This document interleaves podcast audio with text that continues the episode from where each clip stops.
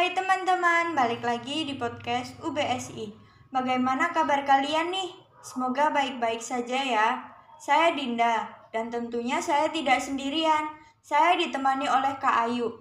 Dia adalah siswa magang dari SMK Negeri 1 Klaten. Nah, di sini kita mau sharing-sharing sama Kak Ayu nih tentang jurusan seni broadcasting dan film.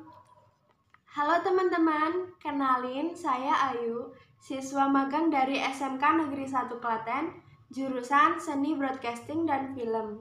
Seni broadcasting dan film itu apa sih, Kak? Seni Broadcasting dan Film adalah jurusan yang mempelajari tentang fotografi, dunia perfilman, dan pertelevisian.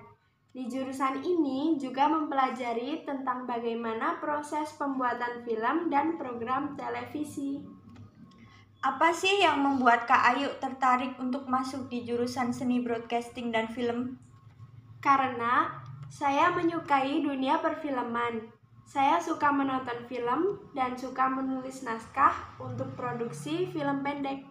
Karya apa aja nih yang udah dibuat Kak Ayu?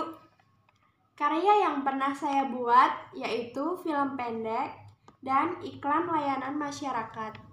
Wah, ternyata di jurusan SBF banyak mempelajari tentang dunia perfilman ya. Apa saja sih Kak fasilitas yang disediakan sekolah untuk pembuatan filmnya?